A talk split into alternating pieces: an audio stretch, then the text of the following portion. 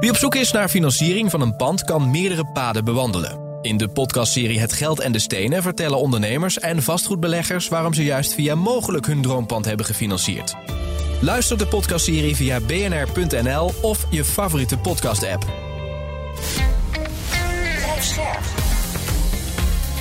BNR Nieuwsradio. Vastgoed gezocht. Maarten Bouwhuis en Maarten de Gruiter. Voor grote spelers in de huursector is het de laatste twee jaar niet makkelijker op geworden. Regulering en rentes zetten het rendement onder druk. En dat geldt zeker ook voor onze gast in de uitzending, de CEO van Vesteda. De vraag van deze week: betaalbare huren en aantrekkelijke rendementen voor beleggers. Kan dat nog wel? Dit is vastgoed gezocht, jouw wekelijkse update over de wereld van de stenen. Je hoort ons eh, elke maandagmiddag en avond op BNR en natuurlijk altijd online via de app en bnr.nl. Dit station, mijn station BNR Nieuwsradio, bestaat 25 jaar deze week. En daarom kijken we in al onze specials vooruit naar het jaar 2048. Want ja, we zijn een optimistisch station, dus we kijken niet achteruit, maar we kijken liever vooruit. En dat gaan we zeker ook doen als het gaat over vastgoed. Maarten de Gruiter natuurlijk elke week bij mij. Ja, je bent al jaren actief eh, in de sector. Uh, heb je die sterk zien veranderen eigenlijk? Toch nog even beginnen met terugkijken? Uh, nou ja, wij ik, van oudsher zijn we natuurlijk een best wel een trage sector. Hè. Dat is uh, niet heel erg snel veranderen. Maar dat is ook best wel moeilijk bij. Zeker als het bijvoorbeeld gaat over bouwprojecten of ontwikkelprojecten. Ja, als je iets nieuws bedenkt, dan. Ja, als je het nu implementeert tegen de tijd dat het zeg maar, in het gebouw zit of ge gebouwd wordt, dan zijn we alweer veel verder. Maar ik, de grootste ontwikkelingen vind ik al in het vak is natuurlijk veel meer transparantie. Ja, er is meer transparantie. Dat, dat is een positieve ontwikkeling ten opzichte van toen jij begon. Dus ongeveer 15, 20 jaar geleden. Uh, ja. uh, ook als, als, als ondernemer. Uh, ja, ik zit zelf al vanaf 2007 alweer op deze stoel. Het is ongelooflijk. Wat een, wat een tijd. 16 jaar mag ik al bij BNR zitten. Laten we maar vooruitkijken. 2048, Maarten. Dan zijn wij allebei met pensioen. Nou, of misschien nog lekker bezig. We gaan dat zien. Nee. Hoe ziet ons vak er dan uit? En jouw vak in vastgoedsector? Ja, nou, we zijn, ja, ik weet niet welk pensioen je bedoelt, want ik denk dat wij dan nog steeds radio maken natuurlijk. Zeker. En, en Vosgoed eigenlijk denk ik, ja, Vosgoed denk ik ook. Dus ik, ik, ik ben er nog niet met pensioen. Ja, hoe zal het eruit zien? Ja, dat is natuurlijk heel interessant, want uh, gaan we nou, zijn we nou dadelijk dingen aan het bouwen die we in 48 weer van denken, dat we, dan zitten we weer een programma te maken, dan denken we, god, wat hebben we eigenlijk op de verkeerde plekken gebouwd of uh, slechte kwaliteit gebouwd of voor de verkeerde doelgroepen.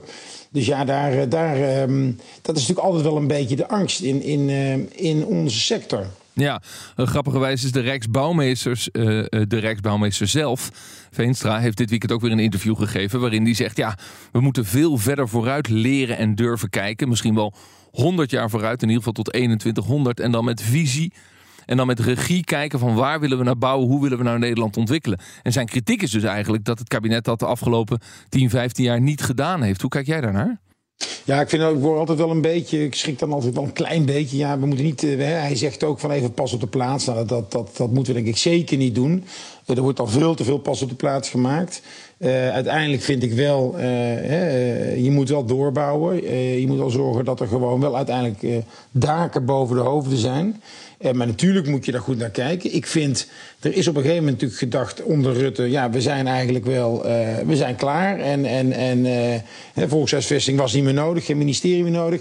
Ja, dat is eigenlijk wel een hele rare misrekening geweest. Maar ja. een andere hele grote misrekening is natuurlijk het feit dat ja, de, het feit van regie pakken. Ja, mijn visie is dat de regie veel te ver is doorgeschoten. En de, de politiek die, die doen wel alsof er nauwelijks regie is. Maar de regie is veel te ver doorgeschoten. Dat begint van het begin van een project tot, tot hoe je een project, hoe je de, tot exploitatie van woningen bijvoorbeeld. Ja. Dus, dus dat is het, ja, dat is, dat is echt een onzinverhaal. En een van de regie-eisen die wordt neergelegd gaat natuurlijk ook over duurzaamheid in 2048. En dan zitten we bijna aan 2050. Dan willen we eigenlijk CO2-neutraal zijn als samenleving.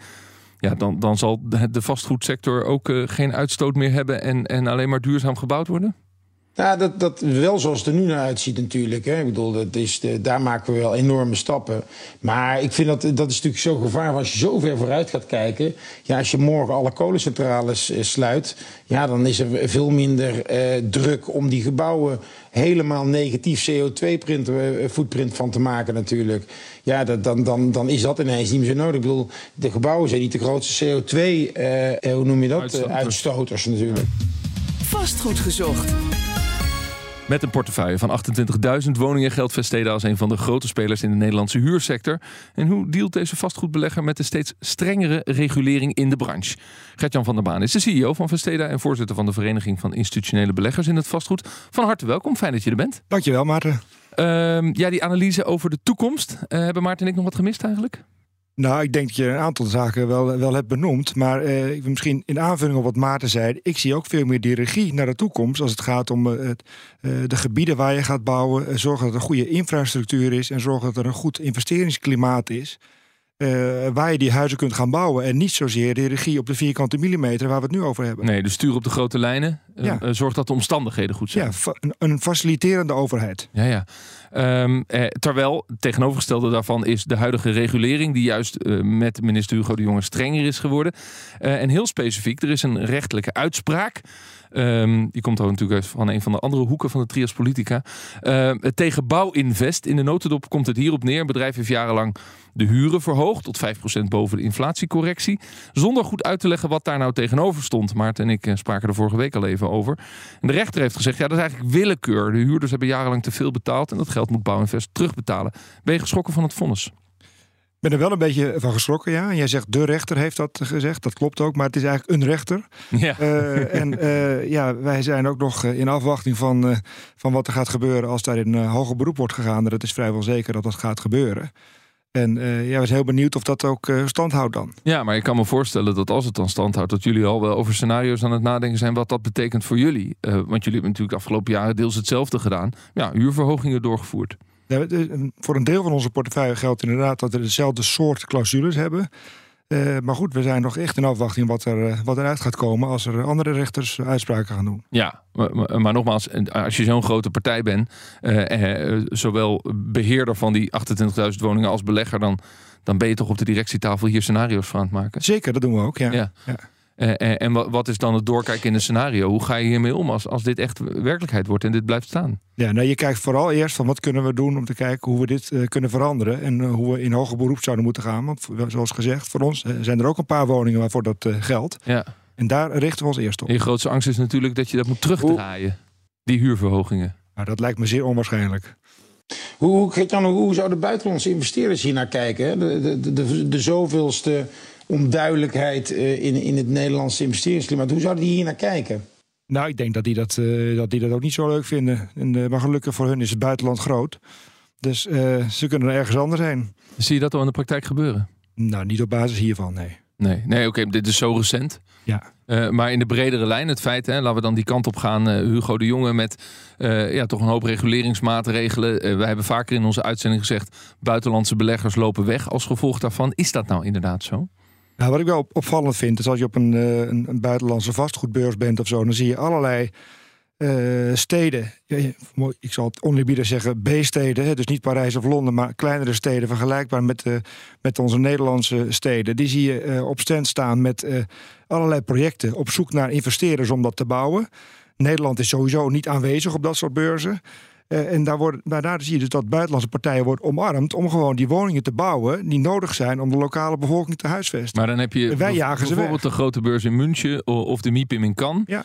Daar, daar zeg je Nederlandse steden, of dat nou een Apeldoorn is of een Eindhoven of een Rotterdam, ja. die positioneren zich daar niet. Ja, dan zie je wel Poznan en Ljubljana zie je staan met, uh, met stands, met, met prachtige projecten op zoek naar geld om het te bouwen. Maar hoe, hoe verklaar maar je dit? Is, is, het, is, vinden Nederlanders het moeilijk om te zeggen dat we gaan geld uitgeven aan zo'n beurs, want dat is, dat is het snelle vastgoedgeld en daar, daar wil ik niet mee geassocieerd worden. Hoe verklaar je dit? Nou, in, in Nederland heeft de vastgoedsector een slechtere naam dan de vastgoedsector in andere landen. Dat is wel zo. En dat is, Maarten noemde net die transparantie, die is verbeterd.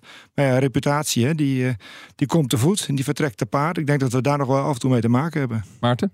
Ja, het is, nou ja, het is natuurlijk ook iets heel Calvinistisch. Hè? Dat, dat, dat we dan vinden van ja, we moeten niet naar zo'n beurs gaan, want uh, dat kost geld. En het is in kan en in de zon en met een glaasje wijn. En, terwijl het natuurlijk hartstikke belangrijk is om natuurlijk en, uh, ja, je, je te presenteren als, als, als land, als stad. ja, op plekken waar gewoon alle investeerders, alle vastgoedpartijen gewoon aanwezig zijn. Ja, precies. Um, Hugo de Jonge heeft gezegd: we willen de, de middenhuren aan banden leggen. De Kamer heeft. Uh, die regelingen uh, niet controversieel verklaard. Dus op zich zou dat nog door uh, kunnen gaan. Dat is natuurlijk nog, nog steeds onzeker, maar ze kunnen er nog over beslissen. Uh, wat betekent dat voor jullie als dat zou gebeuren? Want jullie zitten ook in die vrije sectormarkt met ook huren boven die 1100 euro. Zeker. Um, nou, wat je, uh, wat je ziet is dat die, uh, die reactie, zeg een reactie op die hoge prijzen. maar die hoge prijzen zijn een gevolg van een gebrek aan aanbod. En wat mij dus opvalt, is dat het ministerie heel erg, zich heel erg richt die prijzen te beperken. Terwijl zich, naar mijn idee, zich veel meer zouden moeten richten op het verhogen en vergroten van het aanbod. Ja. En daarmee krijg je ook een gezonde markt. Maar politieke discours is, die hoge prijzen zijn ook een gevolg van uh, beleggers en investeerders die meer winst willen maken omdat er een gebrek aan aanbod is. En dat willen we als eerste aan banden leggen. Nou, daar hebben we dus die, die regulering voor al in de sociale sector. Hè. Die werd tot 144 punten of zo is dat gereguleerd. En eigenlijk willen ze, die, uh, willen ze dat oprekken tot nu geloof ik 187 punten. Uh, wat betekent dat woningen die aan, eh, tot, tot aan die punten voldoen, die worden dan ook beperkt. Ja. Nou, uh, ik denk niet dat het de oplossing is, want ik zie veel meer oplossingen in het vergroten van het aanbod. Maar de regulering zoals hier lag, daarvan hebben wij als IVBN gezegd, die is voor ons acceptabel. mits er ook een aantal andere zaken worden veranderd, zoals het verlagen van de overdrachtsbelasting terug naar 6 uh, en dat het uh, WWS-puntenstelsel wordt gemoderniseerd. En dat je uh, ook wat doet aan de, de box 3 voor de particuliere beleggers. Want we kunnen nu de facto niets aan die partijen verkopen. Want er verdampt tot 10% overdrachtsbelasting. Dus dat lukt niet. En ook uh, hoe ze in box 3 worden behandeld. En ook hoe de buitenlandse beleggers maar worden hoe, behandeld. Hoe is er geluisterd naar deze onderhandelingsset van jullie? Want, want, jullie zijn dus aan het praten. Ook de NEPROM is natuurlijk aan het praten. Er wordt voortdurend achter de schermen gelobbyd. Ja. Uh, en jij doet dit dus als voorzitter van die vereniging van de institutionele beleggers. En, en, en jullie hebben gezegd, nou oké, okay, zet dan die middenhuurregeling maar door. Maar zet daar wat tegenover. Gaat dat gebeuren, denk je? Ik weet het niet. Uh, ik weet het niet. Hè. Je bent niet echt in onderhandeling, want de wetgever die bepaalt natuurlijk. Nee, dat snap ik. Is, het is dat voor jou als ondernemer niet een echte onderhandeling. Dat is heel jammer. Ja, je kunt niet zeggen, nou dan gaan we met een ander in zee. Dat lukt ook niet. Het is, nee. het is onze overheid en daar kunnen we van alles van vinden, maar die is het wel. Nou, ik denk dat. Uh, uh, dat er een grote kans is dat dit, wel, dat dit inderdaad wel doorgaat. Uh, er zijn heel veel partijen die uh, aan de linkerkant van het spectrum... die vinden eigenlijk dat het nog niet ver genoeg gaat. Er zijn ook partijen die vinden dat het te ver gaat. Dus ik denk ook, ja, als politiek is het maximaal haalbare wel... denk ik dat iedereen een klein beetje ongelukkig is. En volgens mij is dat hier ook het geval. Maarten, zou, zou, ja, dat, zou dat helpen nou, dat ja. bijvoorbeeld die 6% terugkomt in plaats van 10? Zeker, zeker. En daar was overigens um, ook Hugo de Jonge wel voor... Uh, alleen ja, daar is natuurlijk een val van een kabinet tussen gekomen. Uh, ander, het is ja, het wordt een beetje al... ja. En het is een ja, ander ministerie, ja, nou ja, okay. ja. ja, maar ook het andere ministerie was ervoor. Uh, om er wat aan te doen. Uh, alleen, alleen, kijk, wat je ziet, het komt natuurlijk allemaal tegelijk. En uiteindelijk zal er wel, zal, komt het natuurlijk altijd goed. Hè? De wal keert altijd het schip. Alleen dat gaat wel over de rug van een heleboel mensen die geen woning kunnen krijgen. Ja. Um, en ook, ja, nog, even, ook nog even, Maarten, toch nog even terugkomend op, op wat jij net zegt van... Uh, ja, uh, het, het, komt ook omdat beleggers hè, die hoge huren ja, meer wilden verdienen. Ja, dat is natuurlijk over de grote breedte van het spectrum natuurlijk gewoon niet waar. Hè? Dus, dus uh, als je gaat kijken wat partijen als Vesteda... Uh, zeker als het gaat over uh, de nieuwe woning, ja, gemiddeld allemaal aan, aan rendementen maken. Ja, dat is allemaal heel erg krap. Dus dat, dat is echt niet zo dat daar nou zoveel ruimte zit. Begrijp ik. Maar dan is mijn vraag Gert-Jan. Wat zou er dan concreet moeten gebeuren als je aan de ene kant de huren betaalbaar wil houden? Hè? Dus we willen Hugo de Jonge volgen en zeggen... ja, voor gewone mensen moet het te doen zijn om een woning te huren. Bijvoorbeeld met anderhalf salaris in plaats van twee. En aan de andere kant moeten jullie voldoende rendement kunnen maken... als, als vastgoedbeleggers in deze tijd van die hoge rente. Wat, wat zou er moeten gebeuren? Nou ja, het is een complex probleem. Je hebt dus ook niet één oplossing. En de oplossing is niet alleen in de woningmarkt zelf. Ik zie veel meer in de, uh, de oplossing in een heel aantal zaken. Waaronder uh, extra locaties, uh, geld beschikbaar stellen voor gemeenten om de capaciteit te vergroten, om meer sneller die vergunningen te kunnen geven. Uh, ook fiscale veranderingen. dat gewoon mensen die in een midden, met een middeninkomen misschien wat minder belasting betalen, wat meer kunnen betalen voor zo'n huis. Want het is gewoon hartstikke duur om te bouwen. Je telt gewoon de grond en de bouwkosten bij elkaar op en je kan er niks aan doen. Als je daar een normaal rendement voor wil hebben, kom je gewoon per maand wat hoger uit dan wat die mensen kunnen betalen. Nou, noem je de grond. Dat betekent dat de grondprijs ook naar beneden moet. Hoort die er ook nou ja, bij? De grondprijs is een resultante van de waarde van je object minus de kost om het te realiseren. En die is op, op dit moment vaak te hoog om het project rond te kunnen breien. Er zullen ja. veel projectontwikkelaars ook mee te maken hebben. Als je natuurlijk gaat kijken naar wat we in Nederland, uh, wat de Nederlander kwijt is aan, aan woonlasten, zitten wij daar nog niet bovenin. Hè? Dus ik bedoel, dat is natuurlijk ook gewoon. Uh, ja, je, misschien is het op een bepaald moment dat je gewoon moet accepteren dat je een groot gedeelte van je inkomen gewoon kwijt bent aan, aan wonen. Ja, dat, dat kan ook. Hè? Ja. Internationaal gezien is dat inderdaad wel juist. Dat wij relatief weinig uitgeven aan wonen in vergelijking met andere steden. Wij, ik moest wel eens op, uh, geld ophalen voor een obligatie of zo. Dan kwam ik in, in Parijs en in Londen. En dan ging ik wat vertellen over de Nederlandse huurmarkt. En dan zei ik van nou, onze gemiddelde huur van Versteden is 1080 uh, inmiddels uh, per maand. En dan, uh, dat is dus per maand en niet per week. En dan de mensen in Parijs en Londen, die keken je echt aan. Van hoe kan dat? Ze zijn gek. En dan zei ik ja, en, de, en het wordt ook nog regelgeving aangekondigd omdat de mensen het te duur vinden. Nou ja, ja dan zitten ze gewoon te lachen aan tafel van uh, wat is dit? Ja, mijn dochter van elf wil ja. modeontwerpster worden en haar grote droom is in Parijs wonen. Dus maar nu jij dit hebt gezegd, uh, moet ik daar toch nog een keer over nadenken. De huurmarkt, in, sparen. de huurmarkt in Nederland, daarover gaat het in deze aflevering van Vastgoed gezocht. De grote spelers in het domein hebben ook te maken met die stijgende rente waar ik het al even over had. En dus ook meer afschrijvingen op de, pas, op de vastgoedportefeuilles. Collega John van Schagen zet de feiten op een rij. De alsmaar oplopende rente. Daar hebben we het in dit programma vaker over gehad. En vastgoedbeleggers hebben daar duidelijk last van. De ECB voert de kortlopende rente deze week nog eens verder op, naar 4%. En vastgoed, tja, dat wordt nu eenmaal gewaardeerd op basis van de huurinkomsten en de rentestand. Ook Vesteda ontkomt niet aan die nieuwe realiteit. De belegger heeft met 28.000 woningen zo'n 1% van de Nederlandse markt in bezit. Van de oorspronkelijke 10 miljard is inmiddels zo'n 10% verdampt. En dat is vervelend, want, want we kijken dan naar Vesteda en dat is geen Anglo-Saxische springhaan, maar dat is ons pensioengeld, dat is, dat is APG, ja. dat is PGGM. Uh, dus ja, dat raakt ons eigenlijk allemaal ja. uiteindelijk in, uh, in de portemonnee. Dat zei Niels Kok, hoogleraar vastgoedfinanciering aan Maastricht University onlangs op BNR. Maar voor wat betreft die afschrijving is het wel nodig om daarbij een nuance te maken. En nou is het natuurlijk wel zo dat we de zeven vette jaren absoluut gehad hebben van 15 tot 22 zijn prijzen toegenomen met wel 140 procent. Hm.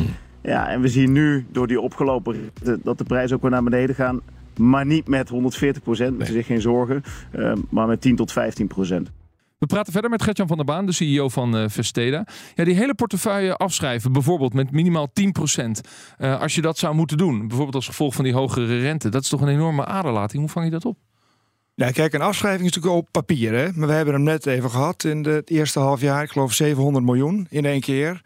Uh, maar goed, als je de pleister er snel van aftrekt, dan, uh, dan valt het nog mee. En laten we eerlijk zijn, we hebben ook hele goede jaren gehad. Ja. Uh, dus het is op papier. dus in die zin, de huren veranderen niet. en de, je kosten veranderen een beetje natuurlijk, met wat verhoging van de onderhoudskosten enzovoort.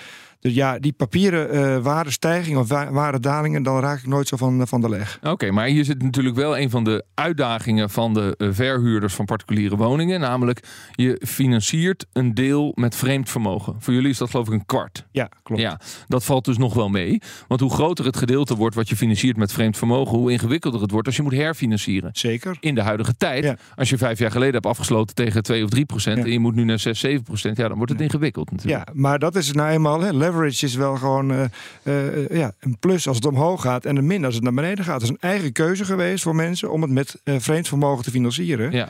En de rente is op dit moment wel hoger dan die was, maar historisch gezien is het een hele normale rente. Hij is alleen heel snel omhoog gegaan. En daardoor zijn veel partijen verrast, maar ook juist ook partijen die eigenlijk wat te veel risico hebben genomen en ervan uit zijn gegaan dat die rente altijd zo laag zou blijven. En hij was onnatuurlijk laag. Wij hebben twee jaar geleden nog 500 miljoen obligatie uitgegeven voor 10 jaar voor 0,9 procent. Er lag 3,5 miljard op tafel. We hebben helaas maar 500 miljoen opgenomen. Daar moeten we sowieso blij mee zijn. Maar daar heb ik nog spijt van dat we de rest niet ook hadden opgenomen. Ja, precies. Maar dan toch nog even terug, ja, de, de, Maarten? Nou, de huidige rente is natuurlijk gewoon historisch gewoon heel, heel normaal. Dus die is helemaal niet uh, heel hoog of heel laag. Die is heel normaal. Hè? Dus daar moeten we. Ik denk dus ook een hele generatie die daar gewoon moet wennen. Dat dit eigenlijk gewoon een hele normale rente is. Ja, uh, maar dan toch nog even naar die herfinanciering toe. Want uiteindelijk heb je dus die 28.000 woningen. Uh, uh, die moet je steeds herfinancieren, althans voor het gedeelte met, met vreemd kapitaal. En overigens het gedeelte wat met je eigen kapitaal wordt, wordt gemaakt, moet je ook naar kijken. omdat als je dat kapitaal anders belegt met hoge rente, ja, dan, dan heeft dat ook invloed. Um, en dan heb je de overheid die zegt we willen die huren beperken. We willen daar regulering op leggen. Gaan jullie daar in de rekensommetjes, zoals veel andere beleggers tegen mij uitleggen in dit programma, in de knel komen, potentieel de komende jaren? Wij komen niet financieel in de knel als bedrijf, maar het gaat voor de bouw van nieuwe woningen gaat het zeker gewoon ja, onze capaciteit, onze investeringscapaciteit beperken. Wij hebben nu 2 miljard schuld ongeveer op een portefeuille van 9 miljard. Gemiddeld betalen we nu 1,8% rente. En dat, die leningen lopen gemiddeld nog een jaar of 5,5. Sommige wat korter, andere echt ook heel lang. Maar gemiddeld 5,5 jaar. Als we nu zouden moeten herfinancieren, gaan we gewoon gemiddeld 4,5% betalen. Met een LTV van 25%. Hè? Ja. Maar dat betekent dat mijn rentelasten van de huidige 40 miljoen ongeveer naar 100 miljoen rentelasten gaan over een jaar of En dat kun je dus niet investeren in nieuwbouw? Nee. Dat is nou het gevolg. Dat kan je niet investeren in nieuwbouw. Ik kan het ook niet uitkeren aan de pensioenfondsen die daar vervolgens de pensioenen van al die van 5 miljoen gepensioneerden hebben indirect hun aandeeltje versteden, zou je kunnen zeggen. Ja. Dus het komt ook niet terecht bij de gepensioneerden, maar bij de bank. Nee. Jan, in, in, nou ja, in, er is natuurlijk in het verleden ook deze rente geweest. En toen konden jullie natuurlijk ook gewoon investeren. Kun je me dat uitleggen waarom dat dan nu een groter probleem zou zijn dan 15 jaar geleden toen die rente hetzelfde was? Nou, wat er uh, speelt een aantal zaken tegelijkertijd nu. Dat is een beetje het probleem.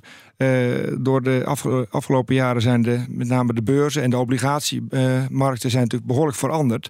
Waardoor bij pensioenfondsen eigenlijk een situatie is ontstaan dat zij relatief zwaar in het vastgoed zaten. En zij zouden hun, hun belang in vastgoed ook wat willen verminderen. Dus we hebben te maken met eigenlijk een situatie waarin zij geld terug willen in plaats van willen investeren. En dan is die combinatie met die hogere rente, uh, is natuurlijk wel zo dat het onze capaciteit eigenlijk beperkt. En wij kunnen op vier manieren aan geld komen. We kunnen lenen, nou dat is erg duur. We, kunnen, we zouden geld kunnen aantrekken, dat werkt op dit moment niet.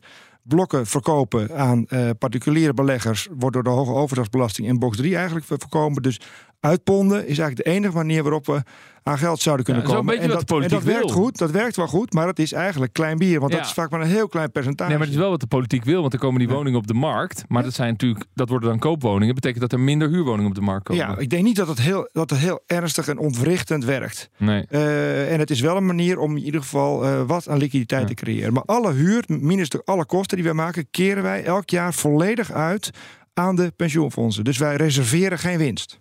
Nog één laatste kwestie die ik kort met je wil bespreken. Dat is namelijk die enorme spanning op die huurmarkt. Uh, lezen we in berichten, heeft ook invloed op de medewerkers. Want uh, ja, die worden geprobeerd uh, om te kopen, zodat mensen maar een woning toegewezen krijgen. dat gebeurt.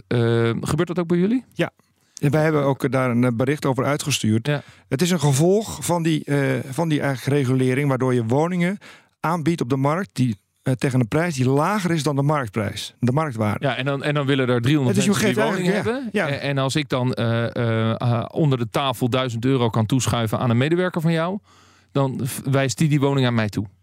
Nou, dat is wat er een aantal keer geconstateerd is, dat er in ieder geval pogingen daartoe zijn gedaan. Ja, wat, wat doen jullie eraan om, want dit wil je natuurlijk niet, kan ik me voorstellen. Wat doe je eraan om dit te voorkomen? Nou, wij maken een, systeem waarbij de, het systeem eigenlijk de toewijzing doet in plaats van dat eh, de mensen dat doen. En we hebben ook uh, in een aantal segmenten uh, verboden dat huurders een, een, nieuwe huurder aandragen. Dat deden we in het verleden wel. En dat werkt ook vaak wel goed. Maar we kwamen tot ontdekking dat, uh, dat er toch wel wat huurders waren die uh, wel heel veel sleutelgeld kregen voor een paar oude uh, gordijnen. En je zag gewoon dat, dat mensen probeerden op die manier ja, eigenlijk een woning met financieel gewin aan een ander toe te wijzen. Want dus wat, dat, wat, is dan nu, gestopt. wat is dan nu het systeem van de toewijzing?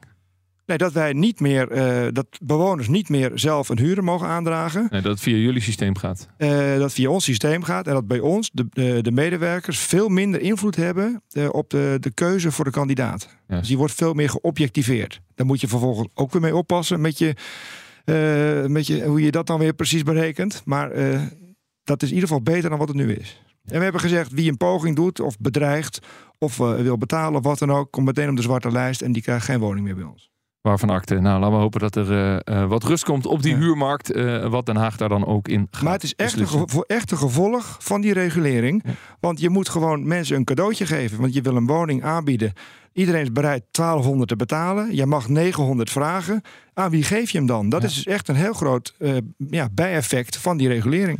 Ja, van der Baan van Vestena. Dankjewel voor je komst naar de studio en bedankt voor dit gesprek. Maarten de Guiter, jij bedankt.